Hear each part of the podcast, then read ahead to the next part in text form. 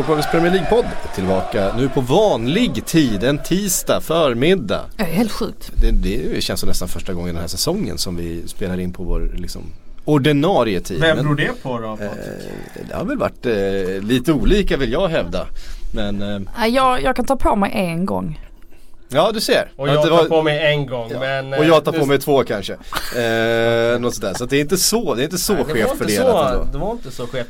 Min känsla har ju varit att du har varit boven i 90% av fallen. Men det kanske bara är 75-80%. Ja, så, så är det nog. Ehm, en hel del hör ni att prata om från den här helgen. Jag tänkte vi skulle börja på London, vad, het, vad heter den jävla, heter den London Stadium? Ja. Eh, dåligt namn ändå. Eh, West Ham United mot Manchester United 3-1. Det var ju resultatet från helgen som eh, skakade om verkligen och krisen efter vi har sett de här bråken mellan Pogba och Mourinho på träning. Eh, Pogba utbytt tidigt och ett Manchester United som bara helt enkelt inte fungerar. Blev ju utrullade av, av West Ham. Alltså visst i all ära att det är Pellegrino, han verkar ha fått igång några av de här spelarna. Filip Andersson var väldigt bra. Eh, Arnautovic såg ju eh, livsfarlig ut i varenda gång han var i närheten av bollen trots att han varit eh, skadad och, och eh, Jarmolenko såg också eh, fin ut eh, stundtals. Men jag menar det är fortfarande ett, ett, mittfall, ett, ett mittfält med Declan Rice och eh, Mark Noble och eh, Diop va. Så som det, ja Va- hur kan det vara så här? Hur kan det bli så här? Eh, de, de, eh, ja, de fick springa rakt igenom stundtals. Ja, det kan ju bli så eftersom fotboll är ett mentalt spel och att eh, du kan ha allting i fötterna och eh, det spelar ingen roll ändå om du inte har huvudet på rätt plats. Och I det här fallet är det ju uppenbart att Manchester United har eh, redan sedan försäsongen haft en väldigt, väldigt jobbig spiral där ja, managern har eh, satt sig själv i en sits där han har eh, eh, Hans grundtes är ju att göra omvärlden till fiender. Nu har han gjort sig själv till fiende i, i det egna omklädningsrummet. Och, eh, Det är inte första tror gången heller. Nej det är inte första gången, vi kan komma in på det sen. Men Mm. just att när säsongen börjar så, så finns det här redan då. De vinner första matchen men det finns där eh, och när det väl eskalerar sen med ett par förluster, spelare som eh, ja, hamnar verkligen i clinch eller verkligen på kollisionskurs med honom. Då är det då finns det ingen väg tillbaka. Och nu är de i den situationen att eh, det är inte bara en spelare, det är inte bara Paul Pogba som, som inte drar jämnt med tränaren utan det är ska jag säga ett helt knippe av spelare som gör det. Han kanske har några allierade i det där omklädningsrummet. Eh, tre, fyra stycken, kanske fem, kanske sju. Om man tar in sådana som är lite fringe players. Eh, men när det blir på det här sättet då då kommer det inte spela någon roll vad de har för kvalitet, vad de har för namn eller så. Utan det är bara så att de, eh, de kommer inte komma upp i den nivån de har i sig för att de eh, han har tappat omklädningsrummet, spelarna tror inte på det de gör, de tror inte på honom och de vill inte springa för sin tränare. Det var ganska dräpande att eh, statistiken från helgen talade sitt tydliga språk. De hade sprungit minst maxlöpningar av alla lag i, eller minst antal sprints. Och det väl, kan ju översättas med maxlöpningar eh, den här helgen. Och det brukar man inte göra när man hamnar i tidigt underläge. Då brukar man springa för att komma ikapp. Men eh, de sprang ändå minst av alla lag. Och det, det faktiskt understryker det där som jag vidrör tidigare där med att eh, Folk kanske tror att ja, man ska göra 100% varje match när man tjänar 50 miljoner om året eller 80 miljoner om året eller så vidare. Men det är inte så enkelt utan det är Fotbollen spelas i huvudet och skruvar man ner några procent, ja då gör man på den här absoluta toppnivån, ja då kommer man automatiskt göra minst antal sprints av alla lag i ligan. Och det kommer synas på resultaten. Mm.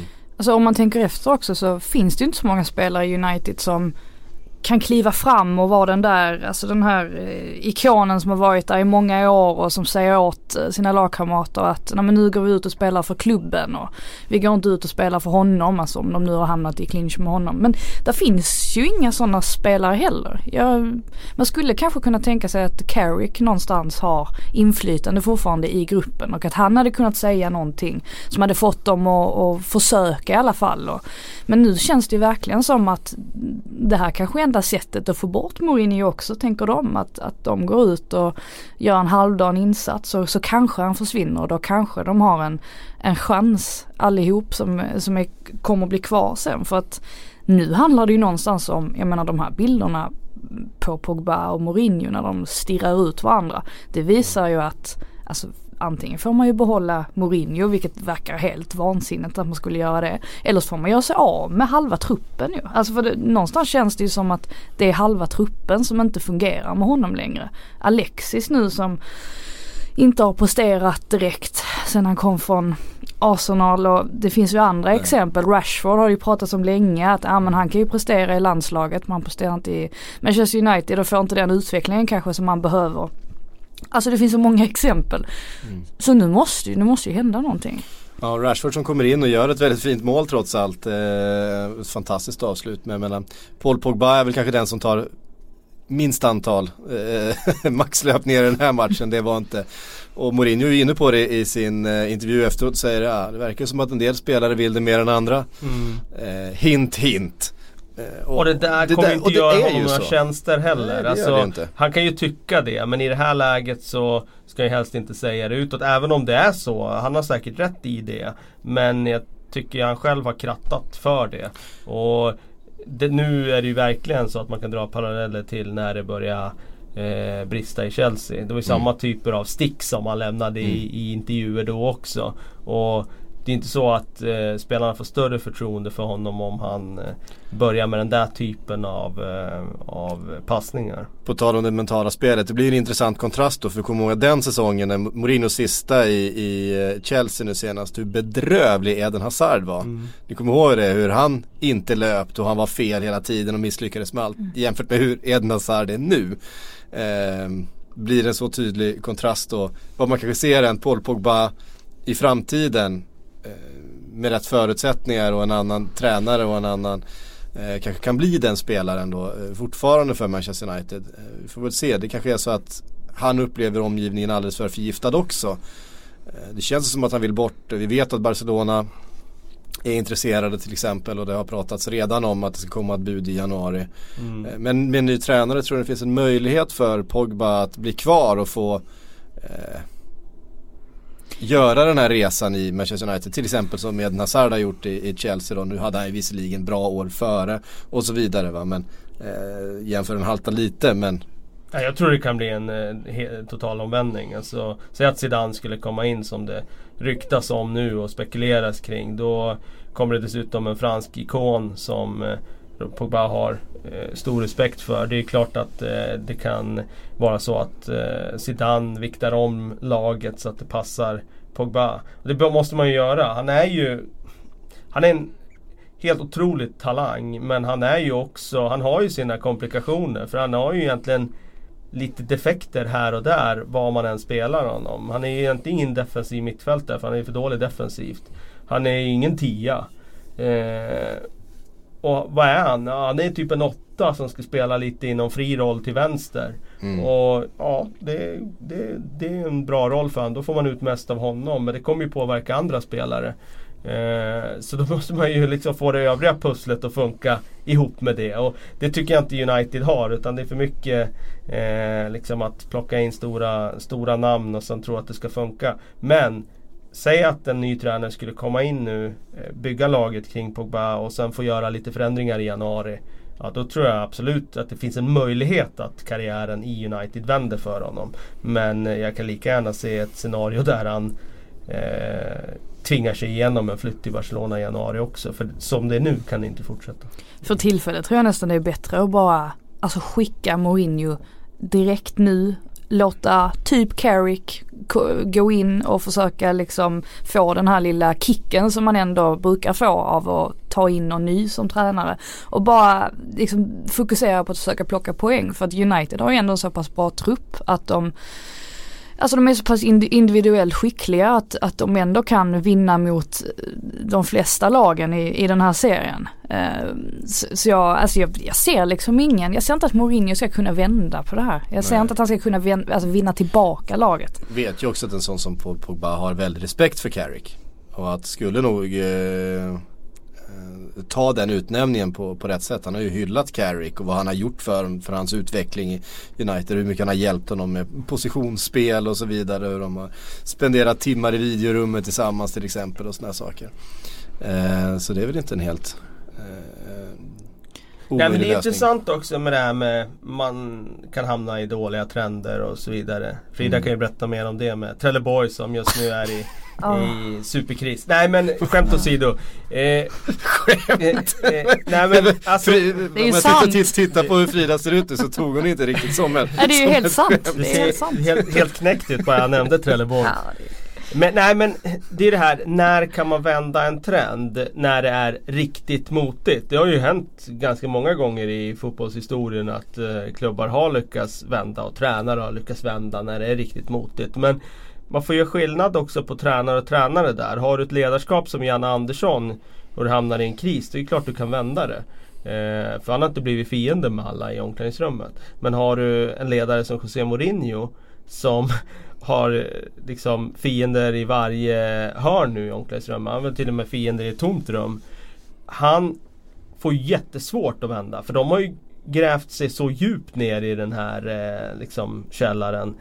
Så att det går liksom inte att komma upp i det. Vad ser man framför sig? Du säger det här, jag tror inte att det kan vända. Vad, hur ska det kunna vända? Hur, det är klart att de skulle kunna vinna tre matcher i rad.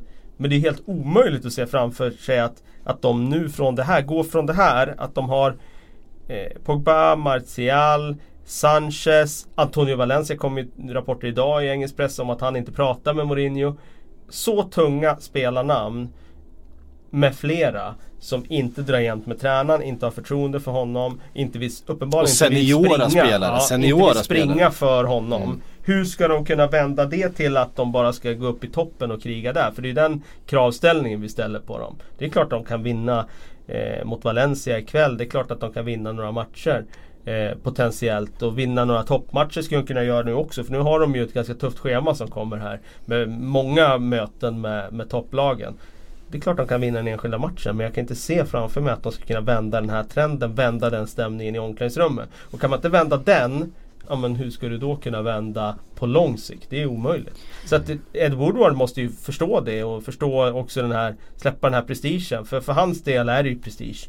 Jag kan inte, även om han är en icke-fotbollsmänniska som är duktig på marknadsföring och inte kan så mycket fotboll. Jag har svårt att se att han kan tro att det kan vända med José Mourinho vid rodret.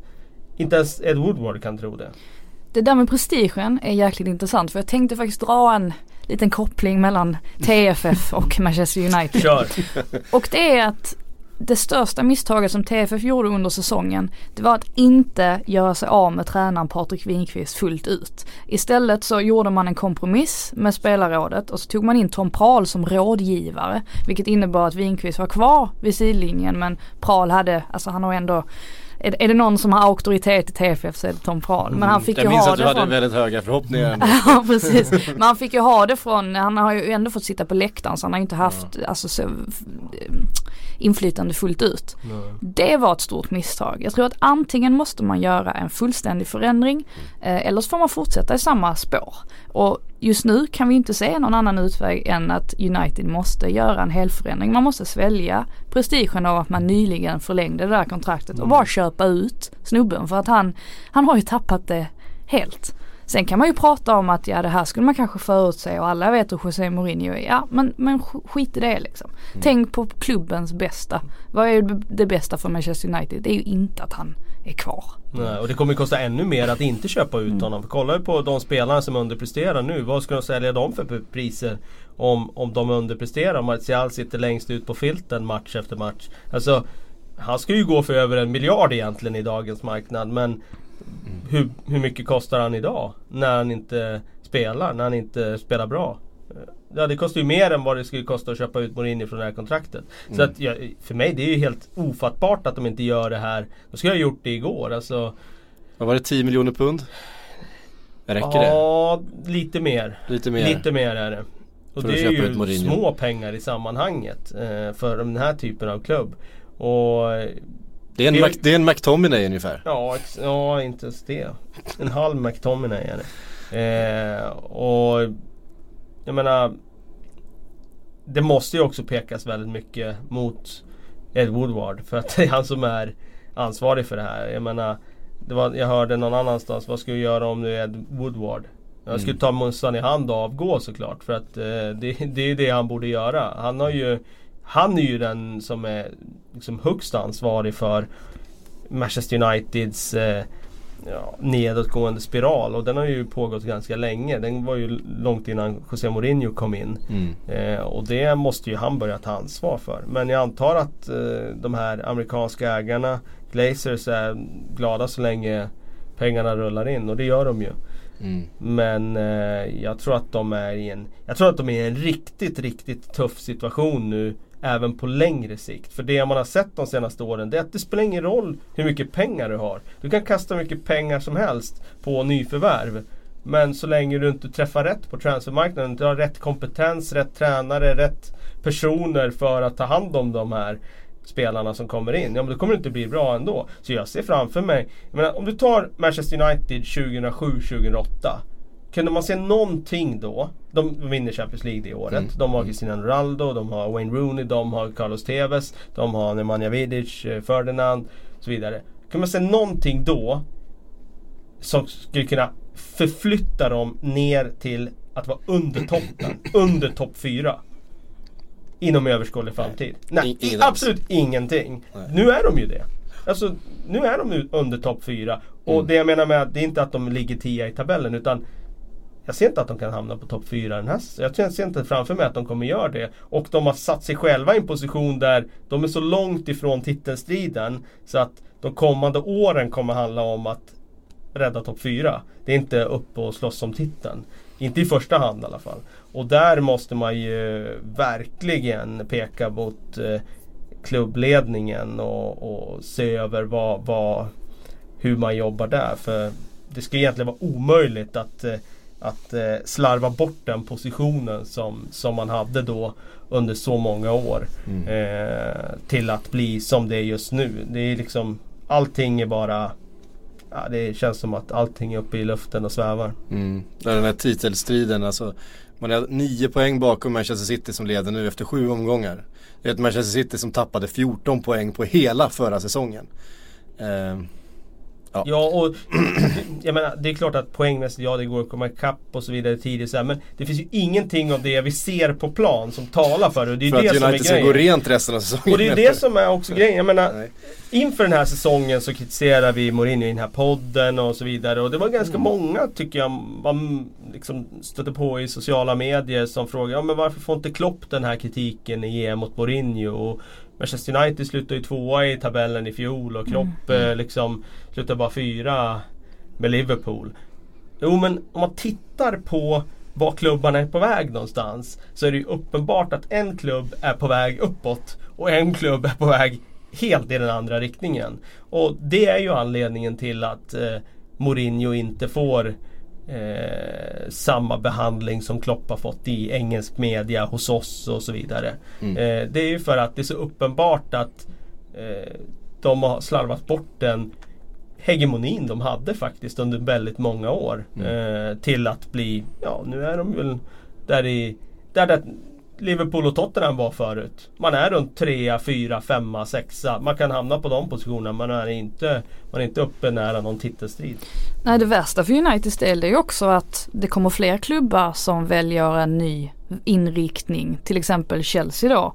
Eh, som ändå har satt det mesta på plats med Sarri. De har valt den vägen och den, den är, det är ju på väg framåt. Alltså hela det, Onekligen. den processen. Alltså det gör det ju ännu värre då att det kommer fler liksom kandidater som, som är på väg. Det är inte bara City som är dominanta, det är inte bara Liverpool som håller på att bygga någonting bra utan nu är det hur plötsligt hur många klubbar som helst som gör bra ifrån sig och United fortsätter att inte göra det. Och titta vad viktigt just själva tränarrekryteringen är. Jag vet att vi har haft en kollega här, Robert Laul, som har drivit någon tes om att tränaren är 10% eh, av ett lags framgångar. Men kolla på Chelsea, de byter till Sarri. Allt är sommar och sol och liksom champagnefotboll.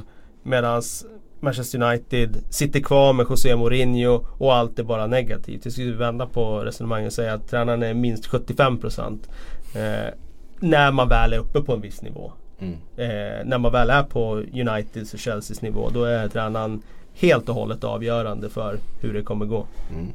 Eh, jag har ju också lovat West ham supporterna att vi inte bara ska gräva mm. ner oss i Manchester Uniteds eh, misär här utan faktiskt hylla det måste vi eh, West Ham för de gör, gör ju en, en, fenomenal match. Och det är ju tydligt att eh, Pellegrini nu har fått lite ordning på det här torpet som såg väldigt spretigt ut i början på säsongen. Eh, och det är ju klart att han kommer in som ny och West Ham är en galen klubb eh, med ett spretigt lag. Och det har kommit in en massa nya spelare som ska in. Men nu börjar det ju sitta ihop och fan tittar man på de här komponent komponenterna, en Arnautovic som är bättre än vad han någonsin har varit. Jag menar, vilket jävla hot han är där fram. Men hur lång är han? 1,94 eller något sånt där. Han är snabb och han är stark. Ah, och han så är... lång är han väl inte Arnautovic, det synar jag. Han är en bit över 1,90 det är jag helt övertygad om. Jag ska kolla Han är upp lång. Jag tror han är Zlatan lång alltså. Eh, bara att han har, eh, har eh, han är ju snabb. Han springer ju ifrån försvararna. Klart han är snabb, han är ju bäst typ i Ja men jag tycker ju, jag har alltid tyckt om honom, alltså Ja. den anfallstypen. Men han är ju lite sådär att han, han måste ju typ må bra i sin 1,92 tillvaro. alltså, det var nära. Jag var nära. Ja. Ja. Jag hade tippat på eh, 1,88, 1,89. Men en helt annan grej från, från den matchen som jag, för jag pratade med en West Ham supporter som var på plats eh, på eh, London Stadium. Han sa faktiskt att för första gången någonsin så kändes London Stadium som att det möjligtvis kan bli ett litet nytt Upton Park. Ah, Det var lite stämning. Ja, att, att tidigare har det varit så, alltså man klagar på att man inte alls har haft den där atmosfären som eh, Upton Park eh, hade och alltså att det inte har varit i närheten överhuvudtaget. Men att den här gången, då var det verkligen som att det kände var någonting elektriskt i luften. De har ju verkligen, alltså den här upplagan av West har ju verkligen poplagspotential. Med en Arnautovic som, som har ju, vi vet ju hur hög högsta nivå han har. Det har vi sett under många år. I vissa matcher är han bara helt ostoppbar. Eh, och har han börjat liksom, han har också nått en ålder tror jag där, där han är väl, han når ju sin peak nu liksom. Ehm, men den Filippe- Andersson som har kommit in och bidragit med jättemycket kreativitet och skills. Det vet vi också att han, han har också visat en, en högsta nivå eh, i Lazio som eh, varit fenomenal även om det har liksom svajat lite. Och sen en Jarmolenko på exakt samma sätt. Jag menar, får de här tre spelarna ihop det så är det ju spelare som faktiskt kan spela fotboll på den fan mig högsta nivån. Ehm, men som i sina karriärer har varit alldeles för ojämna. Eh, det här är ett West Ham som i sådana här matcher kommer kunna vara oerhört svåra att få stopp på tror jag. Eh, sen är det det där mittfältet som vi har ifrågasatt. Jag menar Declan Rice, vad är han? 22? Mittback? 21-22. Eh, fått kliva upp och ta den här defensiva mittfältsrollen. Nu hade han ju Pogba att ta hand om i den här matchen och, och det var ju kanske ett eh, inte den tuffaste uppgiften trots att det är en, en världsstjärna som Pogba för han, han var ju inte intresserad av att delta i stort sett. Eh, men så var det Mark Noble som vi har skällt lite på och tyckt att han kanske har passerat sin peak. Men jag menar det finns ju fortfarande, jag menar, han är en trotjänare för West Ham, han är supportrarnas eh, favorit liksom. Eh, och sen en Diop som borde vara bra. Eh, tycker man, som inte riktigt har varit det i början på den här säsongen men som var bra i den här matchen. Nej, jag, jag var ju väldigt eh, frågande till Balbuena eh, efter premiären där. Mm. Och första matcherna, jag tyckte han var... Eh, ja, han såg vilsen ut. Men både han och Diop nu har ju faktiskt höjt sig rejält. Och Diop mm. i den här matchen fick ju till och med beröm av José Mourinho efteråt. Där han sa att de hade scoutat väl. Och han gratulerar ju West Ham till att det var väl scoutat där. Mm. Eh, det kanske var ett stick till någon i United-hierarkin som inte hade gett honom en mittback. Det, det vet jag inte. Men eh, för West Hams del, återigen. Få, få Få bara till den där defensiven för offensiven tror jag kommer ge sig själv. Bara man blir liksom solida bakåt och man inte rinner, eh, rinner igenom för enkelt eh, där. För att eh, ge dem där tre bollen där framme. Se till så att man är kompakt på mittfältet. Då tror jag att man har matchvinnartyper. Som, som precis som du säger, de kommer kunna hota vilket lag som helst med de där tre. Jag måste bara säga, jag blandade ihop eh, Diop och Obiang på mittfältet. Jag ja, okay. det var Obiang jag menade men jag sa Diop av någon anledning. Ja, okay. men, eh, men Diop var väldigt bra i försvaret ja, han också. Var väldigt, ja, bra. Eh, väldigt, väldigt bra. Eh, och Sabaleta. Vad va, va fan fick han luft ifrån? Det ser ut som den gamla Sabaleta med de där löpningarna. Och, eh, visst han var kanske en, en, ett ögonbryn offside vid, eh, vid första målet men det är ju sjukt små marginaler. Alltså det, det är klart att man som United-supporter irriterar sig på när ett sånt eh, hade VAR funnits till exempel så hade det liksom dömts bort. Men eh, det är ju den gamla Sabaleta som kombinerar och tar den löpningen runt och slår inlägget eh, som sen blir mål. som ju... City-hjälte var han väl extra laddad i den här matchen kan man väl tänka. Kan man väl mm. tänka sig. Men jag menar rent offensivt då har vi ju inte haft sådär jättemycket att klaga på när det kommer till West Ham. Alltså trots den här inledningen. Det är ju försvaret eh, framförallt som det inte har sett sådär jättebra ut. Men nu börjar han ju efter att han ändrade formation och sådär så börjar det ju faktiskt ordna upp sig och, och ljusna. Det var ju säkert en del som satt och trodde att han skulle bli den första tränaren att ryka. Mm, ja, ja absolut. Men, men nu, det, såg, nu. det var ju verkligen, det såg ju alldeles för spretigt ut. Jag menar de första omgångarna Visst var på Anfield första matchen där, där låg de så långt ifrån varandra i positionerna så att man undrar vad fan de höll på med. Men det är ju liksom ett lag som inte har spelat ihop helt enkelt. Nej och Felipe Andersen såg ju faktiskt lite sådär intresserad av att försvara i den matchen också. Mm. Eh, men jag tror att det kanske var bra få en näsknäpp där i början och eh, att West Ham själva förstår hur de ska vinna matcher. Att de måste liksom prioritera att vara eh, defensivt kompakta. För de kommer nog inte liksom De har ju inte superbra material mittfält och backlinje. Eh, och det är klart att då behöver du kanske prioritera på ett annat sätt i risktagandet du tar ute på plan och var du ställer laget och så vidare. Men eh, Kul också att eh, fyra raka förluster. Eh, I fjol fick eh, Frank de Boer gå efter fyra matcher. Eh, mer tid än så ska man ju givetvis få som tränare. Mm. Och eh, Pellegrini fick det i det här fallet. Och just nu pekar ju kurvan uppåt. Jag ser framför mig att de jag, jag var tveksam efter de första matcherna vet jag. Och, eh, då tänkte jag på den där defensiven. Men kan de bara få ordning på den så, så eh, finns det kvalitet nog för att börja klättra ordentligt. Mm. Eh, blir intressant att följa West Ham ja, för att de kommer med, med mycket självförtroende nu och känner ju att de eh, faktiskt har både spelare och lite momentum nu och ett system som funkar och eh, kommer nog kliva in i de flesta matcher och känna att de har möjligheter att knipa poäng. Ja, i alla matcher skulle jag säga.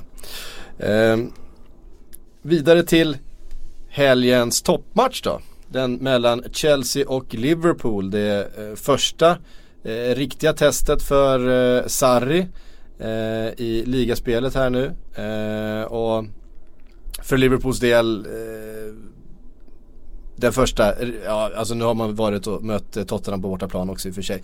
Eh, så inte riktigt det första testet men Men, eh, men Tottenham var ju inte riktigt med i den matchen. Nej det, det, blev inte riktigt det testet som man hade förväntat sig. Här var det någonting helt annat. Väldigt hög eh, kvalitet på matchen. Eh, vi var inne på det att det var den bästa matchen hittills eh, under säsongen men det säger ju också något. Det har inte varit så hög nivå. Eh, Nej det har inte varit så många toppmatcher som har liksom varit sådär eh, hänförande som är vi vana vid att eh, några i alla fall eh, är. Eh, så det här var väl första matchen där man verkligen kände att det här är riktigt hög nivå. Mm. Frida Hazard, bäst i världen? Nej, kanske just nu. Mm. Eh, när man tänker efter så är det ju ganska många som underpresterar för tillfället runt om i världen. Så att eh, ja, det är väl klart att han kanske är, han kanske är den allra bästa. Men jag tycker det är så intressant med, med fotboll överlag, alltså som i, i den matchen och med tanke på vilken avslutning det blev att liksom där eh, jobbar Liverpool fram chans efter chans där på slutet och sen så är det en ett kanonskott från eh, Sturridge som, som ger poäng. Det är så, mm. så fruktansvärt märkligt. Med tanke på att Shakiri ska ju göra det där bättre liksom, när han får den bollen i... Jag vet ja, inte ens vad som händer. Det känns som att han har vikt på fel eh, fot eller att han blir överraskad eller, eller vad som. Eh, fint också på något sätt att Sturridge fick avgöra. Eh, att han är kvar där känns ju lite av ett under också. Mm. Ja han ser eh, dessutom eh, fit ut och, och, hel och tränar bra enligt eh, rapporterna. Eh, gick igenom hela försäsongen utan att dra på sig några allvarliga skador vilket är eh, väldigt ovanligt. Fan, börjar käka spenat ju. Ja precis. eh, nej, han har lagt om sin kost och, mm. och lagt om hela ja, sitt liv. Ja, börjar käka spenat. Börjat käka spenat.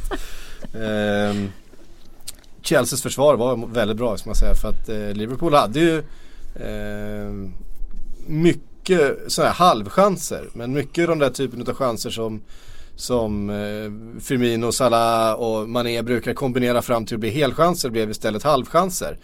Eh, det tycker jag Chelsea gör det väldigt bra. Eh, att de stänger ner och, och är, är, på sin vakt i löpningarna bakom och i de där kombinationerna som görs. Ja, både och. Samtidigt hade ju faktiskt Salah tre riktigt bra lägen i första halvlek. Han ska avsluta mm. dem bättre mm. än vad han gör. Och jag tror hade han avslutat dem bättre än vad han gjorde nu och skickar väl två skott upp på familjeläktaren och sen har han det där friläget där han gör de rätta sakerna, går runt målvakten och Rydiger räddar på mållinjen. Precis. Då tror jag inte vi hade sagt att försvaret var, var bra. Eh, jag var dock imponerad av David Luiz för hans eh, mm. kombinationen av försvar och hans distribution var ju fenomenal. Han hade ju några passningar som var yppersta världsklass. Och det understryker väl också vilket enormt lyft han har fått under Sarri. Eh, har varit inne på det tidigare att han skulle gynnas av tränarbytet och det har ju verkligen gjort. Och mm. Han har ju levt upp och blivit den där spelaren som han var under första kontosäsongen när han fick spela upp bollen och, och göra det han är bra på. Mm. Eh, så det, det, det, tycker jag var riktigt kul att se. Eh, jag knyter an till det du började med där med Hazard och bäst i världen sådär. Jag, jag lyssnade på Niva och hans resonemang där i Viasat där att eh, det har ju varit en världsfotboll där vi har haft två som varit helt överlägsna i världen de senaste tio åren och det har liksom mm. inte funnits någon diskussion kring det utan det är antingen den ena eller den andra som är kan kallas bäst, bäst i världen och ingen annan har riktigt kommit i närheten någon gång. Nu håller ju den kartan på att ritas om lite grann. Eh, och tar man då de senaste fem månaderna, väger in VM där jag i mitt tycke tycker jag nog Hazard var VMs bästa spelare. Eh, och sen tar starten på den här säsongen så eh, ja då kan man nog säga att han är bäst i världen just nu. Det enda jag saknar det är en riktigt sådär definierande insats. Man behöver ofta, när man ska ta det där steget upp för att mm. kallas den bästa, då måste man göra en insats mot i en riktigt stor match när hela världen tittar. Typ mm. Pavel Nedved gjorde det Champions League mot Real Madrid och då liksom får hela världen upp i ögonen. Han har varit kanske den bästa egentligen sett över ett halvår. Men sen kommer den där matchen som gör att ah, men nu är det inget snack längre. Eh, och det här var ju en sån eh, match hela världen tittar. Och jag tror det enda som hade saknats det hade fått göra det där 2-0 målet. Stänga matchen och mm. sen gå därifrån som segerhjälte. Då hade liksom snackisen varit att ja, den där Hazard han är nog bäst i världen just nu. Mm. Men nu blir han ju faktiskt rånad på den hjälterollen med det där jätteskottet från Sturridge i, i slutminuterna. Och mm, det var lite synd eh, tycker jag. Jag är ju ett stort eh, Eden Hazard-fan. Så jag hade ju gärna sett att han hade fått den crediten jag tycker han förtjänar. För det finns ingen spelare i dagens fotboll som jag njuter lika mycket av att se på plan som, som Hazard. Och eh, hans insats var ju eh, alltså 5 plus räcker ju. Ja det, det kanske gör det då, eftersom mm. man missar det där friläget. Men det han gör är ju liksom, det är hela tiden sådär att Life is made up of many gorgeous moments. Cherish them all, big and small, with Blue Nile. Whether it's for yourself or a loved one, Blue Nile's unrivaled selection of expertly crafted fine jewelry and statement pieces help make all your moments sparkle. Blue Nile's experts are on hand to guide you, and their diamond guarantee ensures you get the highest quality at the best price. Celebrate a life well lived in the most radiant way and save up to 30% at BlueNile.com. That's BlueNile.com. Han skapar någonting varje gång han har bollen egentligen. Och det, liksom, det går ju inte att spela en mot en mot honom för då kommer han göra bort den motståndaren. Mm. Såg någon på Twitter som var irriterad på att den här eh, han är bäst i världen stämpeln har kommit först nu och inte för flera år sedan. Men skillnaden är väl helt enkelt att han har börjat göra fler poäng nu. Ja, håller alltså med. man måste ju göra det för att kunna vara eller räknas som Absolut. världens bästa spelare. Eh, så jag tycker att det är helt orättvist har det inte varit ändå att han inte har varit med där uppe bland de absolut bästa. Men nu ska han ju definitivt vara det. Nu när han faktiskt börjar leverera poäng. Verkligen. Eh, intressant taktisk match också. Eh, det är ju två 4-3-3 system som möter varandra. Eh, Kalle du som tränare, hur tittade du på det här? Man ser ju, om man bara tittar på vilka spelarna är på mittfältet ser man att de har liksom olika eh, det blir liksom eh, strategin eller taktiken eller filosofin ska man väl säga lyser liksom igenom när eh, Chelsea då har Kovacic, Kanté och Jorginho. Så oerhört bollskickliga liksom, eh, bra på små ytor.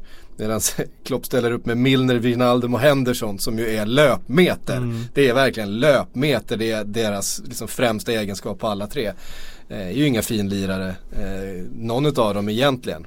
Eh, utan springa, springa, springa, springa. Det, det är liksom så här, det blir lite så här signifikativt, för eh, två olika filosofier. Ja, verkligen. Eh, nej, men det var ju fantastiskt att se Chelseas första mål för att Mm. det är liksom, det är ju Sarri Sarris stämpel rakt över det målet. Och att göra det på, på den här typen av arena, på den högsta nivån i de här toppmatcherna. Få till den typen av kombination. Det, är- ja, det, är, det är häftigt. Det är, jag tycker eh, liksom i teorin borde fler klara av det. Eh, fler Premier League-lag borde klara av det. För de alla har ju kvalitetsspelare. Men uppenbarligen är det inte så enkelt eftersom det bara är ja, Chelsea och City som, som gör den här typen av kombinationer. Ehm, och återigen, Jorginho alltså.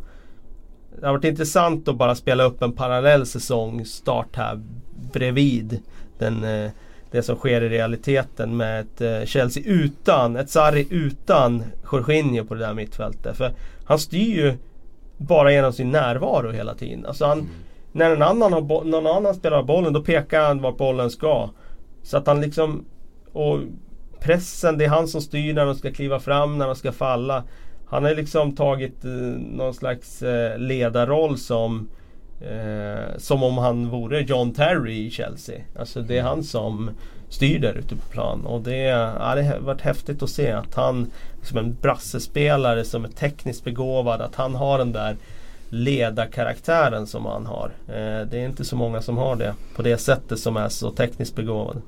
Jag fortsätter att imponeras också av att eh, Giroud levererar och verkar trivas hur bra som helst med Hazard. Han är ju det perfekta komplementet till honom. Och det är så oväntat för att man satt ju här i sommar och tänkte att någon kommer säkert ryka nu när eh, Sarri kommer in. Ja, han Eh, kändes ju inte på förhand som en Sarri-spelare. Eh, Nej han gjorde ju inte. det?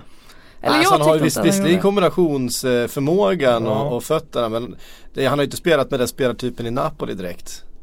Nej, Ryggen mot mål, eh, Nej, han tar, är ju, targetanfallaren. Han är inte så liksom. mobil så. Samtidigt så eftersom han gillar så mycket kombinationer och så. Så han är ju så extremt bra på att kombinera. Så det Mm. fanns ju en dimension i hans spel som skulle passa bra med Sarri. Men eh, jag trodde ju att Morata också skulle få ett lyft. Det har jag inte fått ännu. Eh, jag väntar fortfarande på det. Ehm, 1-1 rättvist i slutändan. Alltså Liverpool tryckte ju på där på slutet eh, och har ju flera möjligheter. Som sagt Shakiris chans där, det blir ju Han inte får den på fel bättre. fot. Han, de försöker rulla in bredsidan med högern. Ja. Eh, skulle försökt skjuta med vänster. Därför man ska träna sin svaga fot. Ja. När man är ung och har möjlighet att utveckla den typen av områden. Eh, nej men eh, det var nog rättvist. Men jag tycker ändå det är intressant också om vi snackar lite med Liverpool då. Att min känsla är att de hade inte tagit den här poängen för ett par år sedan. Då hade de gått därifrån med, med noll. Eh, det är ju en inneboende styrka i den här typen av match. Att kavla upp ärmarna. Eh, oavsett hur det går till, om det är ett skitmål, om det är ett drömmål eller hur man spelar sig till det eller om man får det, om det är ett självmål eller vad, vad som, Att man i alla fall får det där målet i slutminuterna. Min känsla är att det är sådana där slutminutsmål eh, när man börjar säsongen bra. Det brukar definiera att ja, man har ganska bra flow. K kolla på City i fjol. Hur många gånger avgjorde inte Sterling där i inledningen av säsongen? Det var Precis. Bournemouth borta, mm. det var någon match hemma där var i 95-96 mm. minuten han gjorde något mm. drömmål. Eh, min känsla är att ja, Chelsea imponerade. De har underströk att spelmässigt är de eh, uppe på den nivån så att de liksom kan matcha Liverpool spelmässigt. Men det är just det där också att man ska få med sig resultat. Och den förmågan visar ju Liverpool i den här matchen. Och den tycker jag de har visat under den här säsongsinledningen. De har inte varit så bra som vi ser framför oss att de kan vara. Men ändå står de där uppe med ett visst antal poäng och det tycker jag tyder på att de är redo för att, för att slåss om det här hela vägen in. Och det har ju varit vår känsla i den här podden hela, hela tiden ända sedan försäsongen. Mm. Ja man ångrar ju inte tipset. Nej det gör jag inte. Jag, jag ångrar vart jag satte Chelsea däremot. Det ja det gör jag. Ja men det gör jag också. Det gör jag också. Jag satte dem i femma och det var ja, ju, det var ju fel läst. Alltså, de, man borde ha läst det bättre att... Eh, man trodde att så... avståndet mellan, mellan Conte-fotboll och Sarri-fotboll skulle vara så pass långt att den här starten inte skulle bli man, man såg väldigt mycket 0-0 matcher framför sig där spelet i, i perioder funkade men att det inte funkar hela vägen. Och eh, Giroud står och trampar boll. Alltså jag, jag såg säga... väldigt mycket och så, så kommer Europa League och sen så kommer smyger sig känslan in att jo men fan det kan bli tufft att kriga om den där fjärde platsen med United och, och Eh, och Arsenal liksom eh, som jag trodde det skulle vara. Mitt gick eh, faktiskt också, jag kalkylerade med att Hazard skulle så, säljas. Jag tyckte han var så tydlig i den där intervjun efter VM där om Ganska vad han ville. Så att jag tänkte att han kommer att få igenom en flytt. Och mm. utan Hazard eh, så skulle det bli jobbigt för, för mm. Sarri att liksom börja säsongen utan den överlägset bästa mm. spelaren. Eh, nu har han ju fått Hazard på humör med att komma in med dels sin ledarstil som är lite mer eh, fri, eh, liksom, lite mer fri så. Och framförallt tror jag med på den fotbollen som Hazard njuter av att spela. Mm. Och sen kändes det ju inte som att eh, han fick in, alltså som att Sarri fick in speciellt många spelare heller. Alltså det var ju det var ju fler som han ville ha Higuain, Higuain också till exempel mm. men det tyckte inte Chelsea behövdes. Så nu när man ser på vilka spelare han använder och han liksom slänger in Ross Barkley där på slutet. Och, mm. Alltså det, det fungerar ju faktiskt hur mm. bra som helst med det materialet som, som redan fanns. Han har gjort det bästa utav det får man ju säga. Jag tror att en sån som Barkley också har redan fått ett lyft och kan få ännu mer lyft nu med liksom tränarbyte och Sarri som ändå jag tror att han kan ge honom eh, ramar som Barkley inte har fått tidigare som, som gör att han blir bättre. Det finns en inneboende kvalitet i Barkley som vi har ju väntat på ska någonstans eh, blomma ut. Vi har ju nästan inte sett den kvaliteten sedan att dunka in den där vänsterskottet borta mot Norwich i, var det premiären för sex år sedan eller mm. någonting. Men... Ja, 18-19 då Ja någonting. men typ. Mm. 18-19 mål liksom och såg ut som the real deal. Men eh, sen har ju han faktiskt underpresterat under flera års tid. Den som har eh, tagit stryk här i inledningen det är ju Ruben Loftus-Cheek. Mm. mm. Och han var ju väldigt tydlig med det Sarri där om att han, han är för osmart just nu för att klara av att spela den här mm. fotbollen som jag vill spela. Och det är lite tråkigt. Jag trodde faktiskt Man gillar att, eh, Ruben. Att han hade de här spetskvaliteterna som skulle vara intressanta på det där mittfältet. Men som sagt, man ser hur Jorginho styr det där mittfältet så förstår man ju att spela Saris fotboll då krävs det smarta spelare och då mm. Då, eh, de som inte har den spelförståelsen de får skaffa den annars kommer de sitta långt ut på bänken. Måste ju säga någonting bara om Kanté och så smarta fotbollsspelare. Att han har spelat ett helt liv som defensiv, fotboll, som defensiv mittfältare. Han tar en helt ny position. Och han löser ändå den här uppgiften i det här systemet som Sarri gör från början.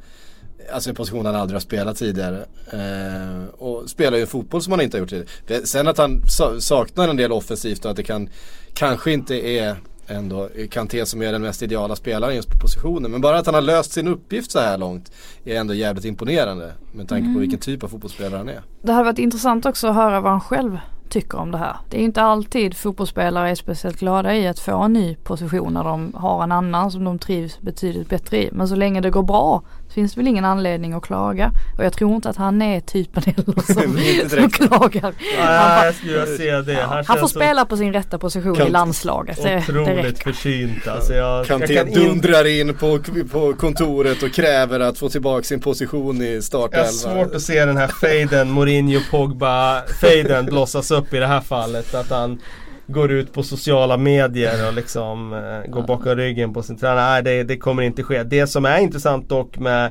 eh, Kanté är ju att jag tror att han är mer flexibel än vad du eh, eh, redogör för här. För att eh, när han kom till Leicester Första matcherna i Premier League den titelvinnande säsongen då spelade han till höger på mittfältet när den Mm. säsongen startade.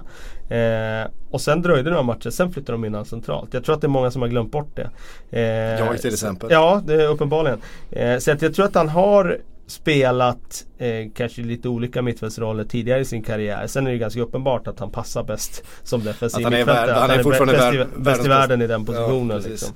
Men eh, så jag, jag tycker väl att han har han blir lite mer begränsad i den rollen han har nu. Men han är fortfarande, precis som du säger, så pass smart och så pass nyttig i liksom bollvinnandet. Att de får ut mycket av att ha den typen av löpkapacitet och styrka på att bara återerövra bollen eh, högre upp istället. Så att det, det passar ganska bra med sättet han spelar. Mm.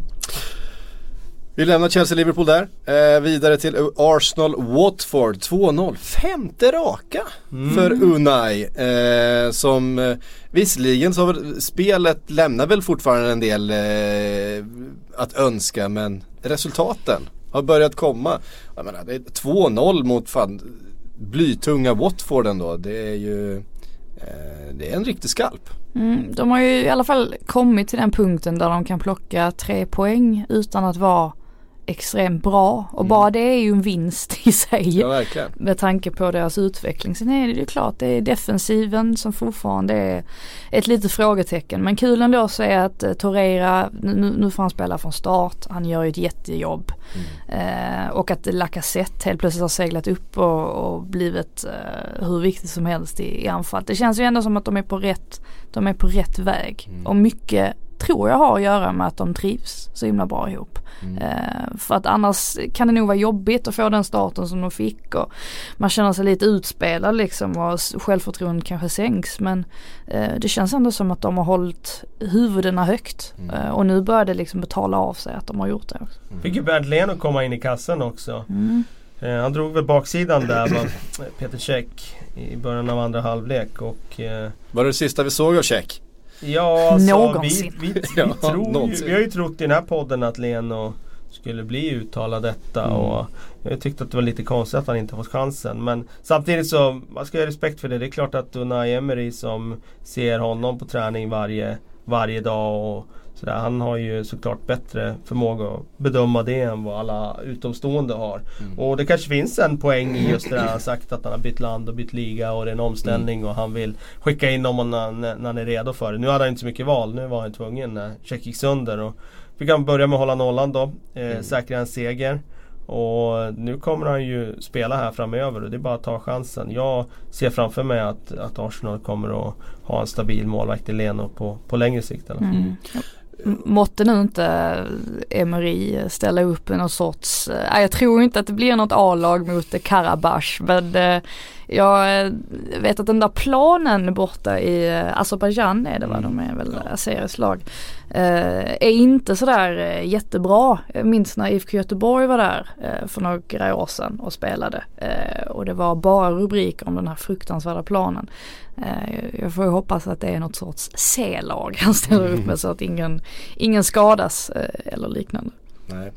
Ehm, det är oerhört roligt att se också tycker jag. Ehm, just Lacazette och Aubameyang. Att de har hittat varandra som ett anfallspar verkligen. Eh, det är uppenbart att Aubameyang letar efter Lacazette och han litar på något sätt att han löper in i, i ytorna. Och, ehm, de börjar se nästan lite intuitiva ut med varandra. Eh, och det är klart att det är ju någonting som Arsenal verkligen behöver. För det är ju deras två bästa spelare eh, såklart som de har där framme. Ehm, kan jag tycka. Känns också viktigt. Det var en, bara en sån här signal. Jag läste det, det var ju häromveckan när eh, eh, tyska landslagsledningen hade rest till eh, London för att eh, tala ut då med, eh, med eh, Özil.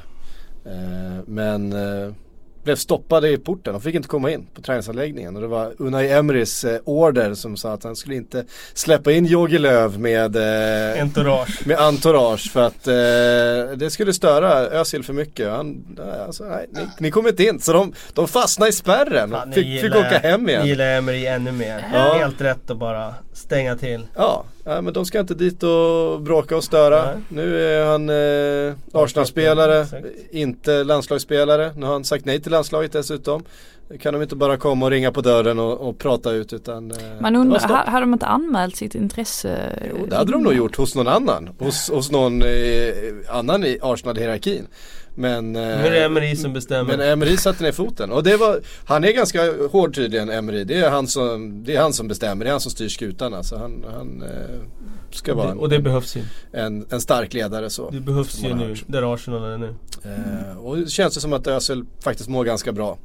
Eh, igen då efter allt som har hänt. Eh, och det är rätt viktigt kanske att skydda en sån, en sån kille i ett sånt här skede. Eh, några andra matcher spelades där klockan fyra. Det var väldigt trångt på lördagen men det har ju med Europamatcher och sånt där att göra som kommer eh, senare under veckan här. Eh, Everton Fulham, hur mycket har ni se av den? Ingenting Nej, det- faktiskt. det... var Om jag hade ju egen match där på lördagen så att... eh, Nej den, den visades Nå, ju inte så att vi skulle, kunde vi inte se något. sen skulle vi ju åka hit till jobbet och, och göra Rundar eh, både Premier League och, och, och spansk fotboll där sen. Så att Mm. eh, vi hade fullt upp med annat. Noterade att Tusen gjorde mål igen va? Mm. Sigurdsson. Sigurdsson gjorde dubbla. Ja. Eh, Dubbla ska jag säga. Ja. Konstig turnering. Eh, och Vad gjorde Tusen Mark, inget mål? Marco Silva fick hålla nollan Jo. för första gången på väldigt Ja länge. just det, det har vi Mm. snackat om ja. Han har Eh. inte hållit nollan på år och dag kändes det som. Ja precis. Eh, och Fulham. Mm.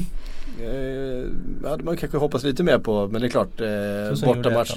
Eh, Mm. Ja precis, Cenk Tosun gjorde eh, andra målet tror jag. Mm. Ah, Jo. jo, jo precis. Sigurdsson gjorde första sen, Mm. eh, och sen sista också. Fantastiska, nu, jag kommer inte ihåg hur, jag har bara sett sådana highlights eh, på det men Sigurdssons båda avslut var ju fantastiskt kyliga. Båda två, han liksom står i straffområdet, tittar upp och liksom rullar in den i öppningen som finns. Eh, Mm. Fantastiska avslut. Vet du hur många avslut Fulham hade på mål i den här matchen? Nej, Gissa. Noll. Eh, noll avslut på mål. Mm. Ja det är inte bra. Nej det är inte så bra. Eh, Mitrovic-hypen, var är den? Eh, Ja, alltså grejen med Fulham, jag, jag har ju inte, eller jag tror ju inte att de kommer landa speciellt högt upp i tabellen. Men det är ju lite samma känsla som med West Ham att köpa in så pass många nya spelare. Det är inte alltid det faller väl ut. Eh, Everton å sin sida, det här är ju fantastiskt blytung seger för deras del med tanke mm, på att den. Helt plötsligt såg det ju knackigt ut igen från Mm. att ha inlett jättebra eh, sen nu komma tillbaks in i det igen. Det, det svänger snabbt i fotboll. Så är det. Newcastle-Leicester 0-2. Det börjar bli, börjar bli trögt uppe i Ja. Newcastle. Fan den där krisen känns eh, djupare och djupare. Två poäng på sju matcher. Eh, och det är klart hemmaplan mot Leicester. Så hade man nog förväntat sig att få med sig någonting i alla fall. Svårt att stoppa Maguire ändå när han kommer flygande i straffområdet. Så nu brytningen förresten på eh, Newcastles friläge strax innan där. Ja. Eh, är ju magisk. Ja och sen Hodor. vi hamnar ju återigen i samma, samma diskussion kring hur länge ska Benitez stå Mm. ut med det här. Man är Ja. ju chockad av att han fortfarande är kvar för att det har ju varit exakt samma diskussion i åtminstone ett års tid nu. Mm. Och nu när de ligger så långt ner som de gör, de har alltså två poäng, lika många som Cardiff och Huddersfield. Alltså då måste ju varningsklockorna ringa ännu mer för att han faktiskt kan få nog helt plötsligt och bara resa sig upp och, och dra nästan. Det är lite den känslan man har ju. Mm. Det var också, jag vet inte om det var jag vet inte om det var eh, redigeringskonst eller om det var så som faktiskt eh, bildproducenten eh, hade lagt bilderna i originalsändningen. Men i det highlights-paket från Match of the Day som jag såg så precis efter Eh, Leicesters 2-0 där så klipper de till en bild på Mike Ashley som satt på läktaren med ett stort flin på läpparna och satt, satt, och, satt och mös. Usch vad Ehm, äckligt alltså. och det, Men eh, det kan ju vara ett redigerings... det, det, det kan absolut ha varit. också, För dramaturgins skull. Precis. För Det vet man aldrig. jag, var, jag var nära att stoppa in den i en sån här GIF-generator och lägga upp på Twitter och tagga in eh, Fredrik Jönsson men så kände jag att eh, då, då, då, ska går, då, går, väl- då går väl alla, alla cylindrar här. Ja. Nej men eh, sen, jag menar Det är klart att Ashley kommer alltid vara måltavlan här. Och, men det måste ju också vara ganska tacksamt för Benitez att vad han än gör, hur dåligt det än går så han är ju immun mot kritik Ja, ja. här. Det är liksom, Den går bara mot ägaren. Eh, och så är det ju inte överallt om man säger så. Det är väldigt sådär i vissa klubbar går kritiken mot tränaren, i vissa går den mot ägaren, i vissa går den mot sportchefen, i vissa går den... Och så ska det väl vara också men jag tror att man behöver nog eh, sortera upp den där lite grann och eh, rikta den eh, mot flera håll i flera fall. Mm. Ja, i, det- I Newcastles fall så går ju missnöjet med Mike Ashley eh, ganska mycket längre tillbaks än vad Rafa Benitez har eh, varit involverad i, i projektet. Eh, Manchester City-Brighton 2-0. Inte så jättemycket att säga om. Raheem Sterling så pigg ut eh, Mm. från det jag har sett. Och det är han ju.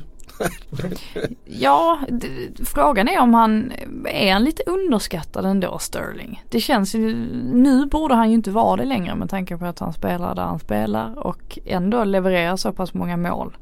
Det är väl fortfarande här att han bränner en del. Alltså han måste liksom försöka sudda ut det där för att han också ska få lite av ett mer verkligt erkännande. Mm, Vem är bäst, han eller Sané Frida? Oj, jag blev helt blank. Nej, jag, jag gillar ju Sané. Ja, Alltså, jag, tycker tänkte han precis är- säga det. det är, väl- Sané är väl din kille. Ja, det är det faktiskt. Ehm, Men vad händer med Benjamin Mendy ja, egentligen? verkligen. Det är ju Han någonting som har, eh, en som har hänt. skada. Ehm, Mm, Som är svårt att... mm, det snackas ju lite om att det ska vara en fnurra på tråden ändå mellan Guardiola och Mendy. Okej. Eh, och det känns väl inte helt orimligt med tanke på att Mendy är ju helt totalt galen när det kommer till eh, uttalanden och sociala medier och han var ju på den här boxningsfighten också. Jag Aha. vet inte om det var så jättepopulärt eh, heller bland ja, i, Ma- I Manchester va? Mm, det, Ja, var det det? Det har jag inte riktigt koll på. Han kanske missade att meddela det till Guardiola. Det var väl Backe som har berättat i något tillfälle att eh, i Barcelona där så var ju alla spelare tvungna om de skulle ut på den typen av grejer liksom, Då skulle de ju alltid meddela tränaren, även om det var på deras fritid. Bara för att han skulle veta om det kom några rubriker sådär, ja men då, då, då visste han om det innan liksom. Att, att ja, jag är där på den där tillställningen. Mm. Guardiola har ju trots allt sagt att han skulle kunna ta livet av Mendy. eh, Med tanke på hur han beter sig utanför planen. Men på planen, där är han briljant. Ja. Det är jättebra. Ja precis, nej men den var ju på Wembley den där. Det var ju, det var ju vad heter han? Eh, Ant- Anthony Joshua. Ja det var det den fighten? Ja det måste det ha varit. Ja det, må, ja, det måste väl ha, ja. Måste det ha varit. Eh, hur som helst. Huddersfield Tottenham 0-2. Jag har inte sett någonting från den här matchen heller. Den var liksom Det var så oerhört mycket matcher samtidigt där så att det Vilket jag är oerhört missnöjd med. Jag fattar inte, vi snackade om det jag och Frida innan här, vi gick in här. Vad, vad, vad hände med uppdelningen av matcher? Jag förstår ju Mm. att de vill placera de bra lagen som spelar Champions League på lördagar. För att de inte ska spela för nära Champions League-matcherna. Det har de säkert Mm. efterfrågat själva. Men alltså vad hände med söndagen? Mm. Man Ja. får liksom Cardiff Burnley en söndag. Det är det enda för de man som, får. de som ska spela Europa League, alltså jag tänker De kan spela söndag. Arsenal Precis. Watford hade kunnat Ja vara, exakt, hade det är det kunnat jag vara söndag Det liksom. var det vi sa. Den, man kan lagt de andra. Arsenal eh, Watford på söndagen så hade man i Mm. alla fall fått något. Nu fick man liksom en, eh, åka tidsmaskin tillbaka till Championship ner på 80-talet liksom. Man såg Cardiff Burnley. Det var ju för fan skogshuggarfotboll som om det var på de gamla snöplanerna. Det var ju, I och för sig har ju det sin charm men just den här, jag låg hemma i soffan och ville ha en riktig Super Sunday liksom. Jag var spelledig själv och du vet man ville ha, man ville ha riktigt bra matcher. fick du- så fick du man Cardiff Burnley. Burnley liksom. Serverat på ett silverfat. Det var... Och du ville inte betala för de allsvenska matcherna eller hur var det nu? Alltså jag har hade ju precis sagt upp mitt C abonnemang eftersom jag inte Den senaste månaden här så har jag bara hunnit se två allsvenska matcher på en månad. Och då kände jag inte att eh, drygt 400 kronor för C var värt det riktigt. Eh, så att eh, då fick det bli eh, Cardiff Burnley. Mm. Blandat med lite spansk och italiensk fotboll. Men, men just i den, eh, den svängen där vid 17.00 då, då hade man ju velat haft något bättre. Det är klart Dalkurd AIK, jag vet inte om eh, det, det räknas som en, en toppfight liksom. Heller. Ja, Nej, jag hade velat haft Arsenal Watford. Ja, Ja, ja, absolut. Eh, ja, alltså det var... Ja, det, det det, det, det, det lilla jag sett från den matchen, det var ju inte... Det var, det var ingen vertikal tiki-taka Nej. genom mittfältet direkt. Men säg så här, jag hade kunnat tagit Everton Fulham då på söndagen också. Det hade ju Ja. varit betydligt sexigare än, äh, än det vi fick. Nej det var ingen vert- vertikal tiki-taka. Det var snarare någonting annat. Det var väl ganska definierande där första målet där när de nickade in den. Eh, liksom duell, nickar in den lite så här halvturligt vid första stolpen. Det var ett mål som definierade matchen ganska väl. Ja. Ehm, Joe Hart var bra. ja, och han, det- han har ju varit det den här säsongen. De hånar ju han på läktaren nu med att skandera att han var Englands number four. Men, eh, men eh, han svarade ju upp och tystade dem ganska rejält med en matchvinnande insats får man säga. Nu har jag redan glömt vad Burnleys målvaktstränare hette. Ja Vi det får kollar ju jag kolla upp igen. Vad hette han igen? Det, måste Ja. ju, det, det är ju oerhört viktigt att veta. Jag sa ju det förra veckan. Ja, men usch, jag, har också glömt det. Ja. Det är så mycket, Uh, ja, jag kommer inte ens, jag är så dålig på namn så att det är Vissa är ansiktsblinda, jag är namnblind. Ja, det, det är svårt. Vet ni vad? Vi ska ta lite frågor. Filip Hammar skriver, eh, vad ser ni för skillnader? Bill, Billy Mercer. Ja, just Billy det, Mercer. Just Det det. får vi inte glömma nu. Billy. Billy Nej, Mercer. hur han har ändå ska man- spelat i Liverpool. Eh, Ja, just det. Psyk. Vi får, Ja, spelat och Året- spelat. Han gjorde noll matcher sen nu. Han Ja. tillhörde Liverpool åren 87 till 89. Ja precis. Då ska var det man- Grobelar som spelade. då ska man tänka så här, då tänker vi på Bill Clinton och sen så på Mercy. Alltså att man... Som, man, han, har spelat, han, i- har ändå, han har bott på Mercy, i Ja. Merseyside då liksom. Det- När han spelade i Mm, Liverpool. då har vi det, då kommer vi aldrig glömma det. Men det fanns väl en Bill gammal Mercer. fin eh, Manchester City-tränare som hette Joe Mercer. Hette han inte det? Mercer ja. Joe Mercer, ja det är Ja. så han hette. Ja det är så han heter. Ja. Mm. Joe Mercer. Okej. Ja, ja, Filip Hammar skrev i alla fall, vad ser ni för skillnader i Arsenals spel den här säsongen jämfört med förra? Bättre resultat nu men sämre spel. Och vart är den höga press Emry pratat om? Så ställer några frågor till men vi kan väl Ja men om du tar den där höga va? pressen. Jag tror att eh, hans grundfilosofi är hög press. Och han kommer att spela så om han känner att han har material för att spela så. Jag tror att han har bedömt helt enkelt att han inte har det. Ännu! Nu handlar det om att plocka poäng. Sen tror jag att i en eh, framtid när han har fått plocka in lite spelare som han vill ha och som eh, kan utföra den typen av fotboll. Han kanske köper James Milner i januari, vem vet? Eh, då tror jag att han kommer att implementera den spelstilen. Men jag tror att han bara känt de första matcherna där att okej, vad behöver jag göra för att ta poäng här? För det är ju det han behöver liksom, för att få trovärdighet och för att han ska få arbetsro. Och då är det eh, kanske inte att spela den fotbollen som han gjorde med PSG utan spela den fotbollen som passar eh, ja, de resurserna han har just nu. Jag tycker Arsenal känns betydligt mer svårslagna nu också än vad de gjorde på hela förra året. Och det är ju också jäkligt viktigt, alltså att när man kliver ut på planen att motståndarlaget känner att, att de har respekt för en. Mm. För det kändes inte riktigt som att det var så 9 gånger 10 förra säsongen. Snarare tvärtom att vilket lag som helst kunde bryta ner dem om de hade en bra dag. Eh, här, Nu ska vi göra en snabb elva här Ur huvudet, ingen förberedelsetid Oj, eh, Jakobib skriver, gör en elva med spelare som var bra eh, under ett eller två år bara men sen, sen blivit kassa. Alltså någon som dansade en sommar. Kan vi få ihop en sån elva? Eh, Amisaki måste väl in på topp i alla fall. Han inledde ju sin Premier League-karriär helt otroligt. Och det är en Igalo eh, är väl samma sak där. Ja, Så där har precis. vi ett anfallspar. Sen ska väl... Eh, ja, vi kan inte ta... BB. Han var i och för sig bra i två matcher. Eh, José. var han det? Han var bara en match. Ja just det, ja men då, då, vi tar det, vi tar det som är bra i en Kiko, match. Kiko Makeda. Ja, fa- ja Ja, det är bättre. Ja, just det. Han var ju inte egentligen speciellt bra men han gjorde viktiga mål där. Ja. Kiko Makeda, men det är ju många anfallare här nu. Ja, jag tror det, det, blir, det blir nog mycket anfallare Ja, för att de har liksom Jones kommer in. Kabul, han var ju brutal ett tag. Sen blev han ju helt katastrof i, i Sunderland där. Mm, precis som alla andra i Ja, Sunderland. precis som alla andra i Sunderland. Eh, har vi någon målvakt som har gjort någon sån här supersäsong och sen bara försvunnit? Eh, Jo men det måste det ju finnas. tänker en sån som eh, Boruc till exempel hade ju någon säsong då han var eh, Egentligen har ju Hart varit lite sådär. Ja, Att det han var ju bra. Nu har blivit bra igen. Ja exakt. Men det är sju matcher, det är Ja. inte så mycket att hänga, hänga upp det på. Men vi kan sätta Hart i mål då. Vi gör det. Ehm, har vi några ytterbackar som har eh, charmat oss en, eh, en eh, sommar? Är det Luke Shaw?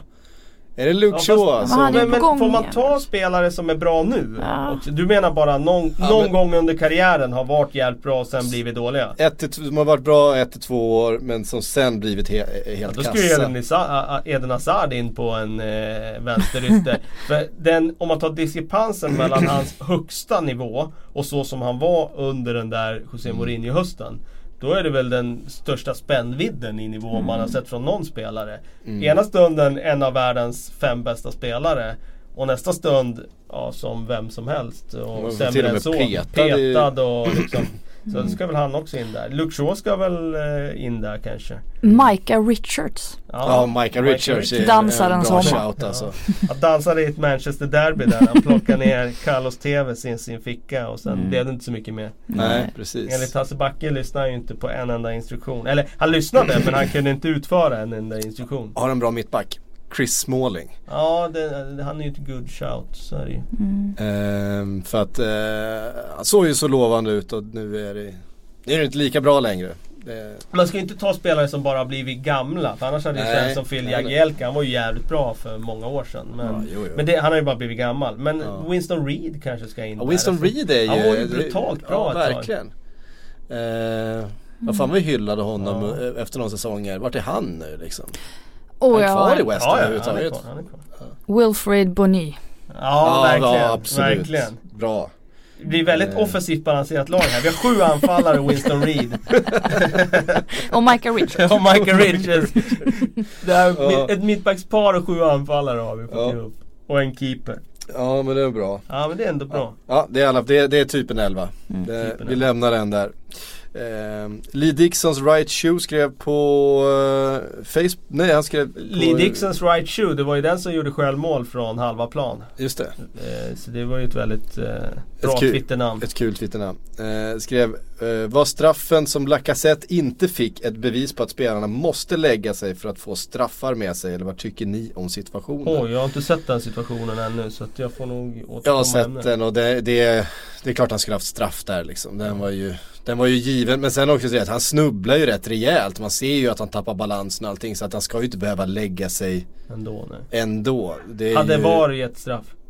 Ja utan tvekan. Ja, okej. Alltså, ja men då, då är det ju straff. en, en frisk hjärna hade ju Ja, dömt, okej. dömt straff. Vem var det som dömde? Vem var det nu? Det var någon, någon utav dem säg- dåliga. Det var inte Mike Dean. Ja. Var det Graham Poole som hade gjort comeback och gått ner och... Det var, vad heter han, Pawson va? Ja okej, Craig Pawson. Craig Pawson tror jag. Eh, vi kollar. Eh, nej, det var Anthony Taylor ju. Det, var, Ah, fan, det är också en, också en Pawson galning. tycker jag ändå okej. Eh, men fan vilken var det Pawson dömde? Ja, Det var någon, någon annan miss som jag noterade. Dan Ellerstrand skriver, vilken spelare hade kostat mest idag om man kunde köpa honom som ung och veta att man hade fått ut samma prestation i lika många år? Till exempel vad hade en John Terry? Jag har ett svar på den här frågan, jag tror inte att ni kommer kunna toppa den. Eh, nu menar jag i Premier League då. Vad hade till exempel John Terry varit värd idag om man visste vad man skulle få ut en av världens bästa mittbackar de kommande 15 åren? Så betydelse för laget, tid på toppen och poäng slash titlar till laget spelar Vem in. hade kostat mest? Var det det? Ja, Ja. jag vet vem det är. Det måste vara Ryan Giggs. Alltså han kommer som, du, du köper honom som tonåring, du vet att du har honom i 20 22 år eller något Ja. sånt där i A-laget. Mm. Och under de 20 de, Jaha, nu fattar jag frågan. Ja, under de 20 åren så, så är han i alla fall liksom typ av 10-15 av de åren är en av världens 3, 4, 5 bästa på sin position. Säsong ut, säsong in, match ut, match in. Och han är kvar dessutom Mm. i klubben. Och han är kvar liksom och Ja, ja, jo, det kanske är så. Det är Vem- väldigt många säsonger så. Sen är jag menar Gerard, Terry, det är alltså absolut. det, De har ju haft en högre högsta nivå än vad Ryan Giggs har haft. Eh, de har ju ändå varit uppe och fått eh, stå på podiet i eh, Lampard, alltså podiet i Mm. Ballon d'Or omröstningar. Mm. Och John Terry har ju varit med i Fifa Pro 11 liksom X antal gånger. Så de hade hög högsta nivå. Men det är klart om man ska väga in antal säsonger så är det ju svårt att, svårt att komma runt gig som spelade upp till han var nästan 40. Mm. Och jag menar att vara så bra liksom under så extremt många år. Det roliga med Giggs är ju faktiskt att han, han hade ju perioder där han var ganska utskälld och inte så Inte bara när han var 36, 37, 38 utan även när han var sådär 31, 32. Han hade ju riktiga formsvackor vissa höstar. Han gjorde inte ett mål fram till december och så vidare. Och så kom han igång och så visade han att ja, men han är ju faktiskt ganska genial ändå. Mm. Och så kom han igång igen. Och sen kom han ner i den där svackan igen, var hur dålig som helst. Och så kom han igång, typ Ferguson bytte position på han. Nu stoppar vi in han på centralt mittfält och så dominerade han där ett tag. Och så fick han liksom en renässans igen. Så att, eh, ja, jag tycker inte att han var så jämn som kanske historieskrivningen eh, liksom säger. Eh, då, då tror jag nog att det har funnits jämnare spelare. Lampard till exempel. Mm. Men det är klart med så många säsonger så klart han, han gav sitt värde. Om man tänker på topp 5 idag. Det är ju inte många spelare som är till åren så att säga. Om man, Det är inte många över 30 alltså den i- i- första i jag tänker på är Agüero till exempel. Mm. Och det, han är ju ganska unik. Särskilt med tanke på vilken position han har också. Och att han fortfarande hänger i liksom. Mm. Men i övrigt är det ju inte, de sållas bort betydligt tidigare numera. Louise är ju också det. Mm. Eh, nej det är inte många. Nej, så är det faktiskt. En spaning, vi noterar. Det är ju lite åldersdiskriminering. Ja precis. Det, det här med att eh, medic medicinvetenskapen skulle göra att spelarna höll mycket längre och att vi skulle få se spelare spela på sin topp upp mot 35, 36, 37 som du pratades om nu med med bättre förberedelser och att man har tränat rätt och stretchat rätt det? och, och eh, under hela sin, jo men det jag har sett flera sådana. Okej. Men var det senast som var ute och eh, pratade om det? Ja, det var någon spelare som eh, Det kan vi som snarare säga att det är tvärtom. För enligt den senaste forskningen så tyder det på, med tanke på att fotbollen alltså tempomässigt bara ökar och ökar för varje år så Mm. f- 2024 eller någonting sånt så kommer hälften dra baksidan till exempel minst en gång per säsong för att kropparna klarar inte av Mm. det tempot. Så att vi går ju snarare i motsatt riktning. Det var någon, det var någon som sa, det var, jag läste en intervju och sa det kommer inte vara eh, någon ovanlighet att vi ser spelare över 40 på den högsta nivån. Eh, med tanke på hur, eh, hur bra vi kan reparera kroppen nu för tiden. Var det Pelé som kom med visdomsord? Han brukar ju göra det ibland. Om inte han som sa att Javier Hernandez gick att jämföra med Leo Messi och Afrika skulle ha vunnit VM-guld eller något afrikanskt land skulle ha vunnit VM-guld eh, senast 98 och så vidare. Nu är de knappt i kvartsfinal längre. Ehm, ja, hur som helst. Alltså, jag, jag borde kommit ihåg vem fan det var som, eh, jag vet inte ens hur vi kom in på det. Ja, skitsamma. Vet ni vad? Det var allt vi hann den här veckan. tack för att ni har lyssnat. Tack Kalle, tack Frida. Eh, Bara ett eh, tips. Om ni har missat det. Eh, Simon Bank och Johanna Frandén har börjat eh, göra podcast. Den får ni verkligen kolla in. Det är liksom en annan typ av fotbollskommentering. Eh. Det är för lite Eh, mer intelligenta människor. Inte sådana som vi. Eh, Simon tipsar om en tavla i Milano eh, i förra avsnittet, bara en sån sak. Det skulle vi aldrig få för oss att göra. Vi tipsar om målvaktstavlor i den här eh, podden. Möjligen. Badum tiss. Ja, vet ni vad? Vi hörs om en vecka igen.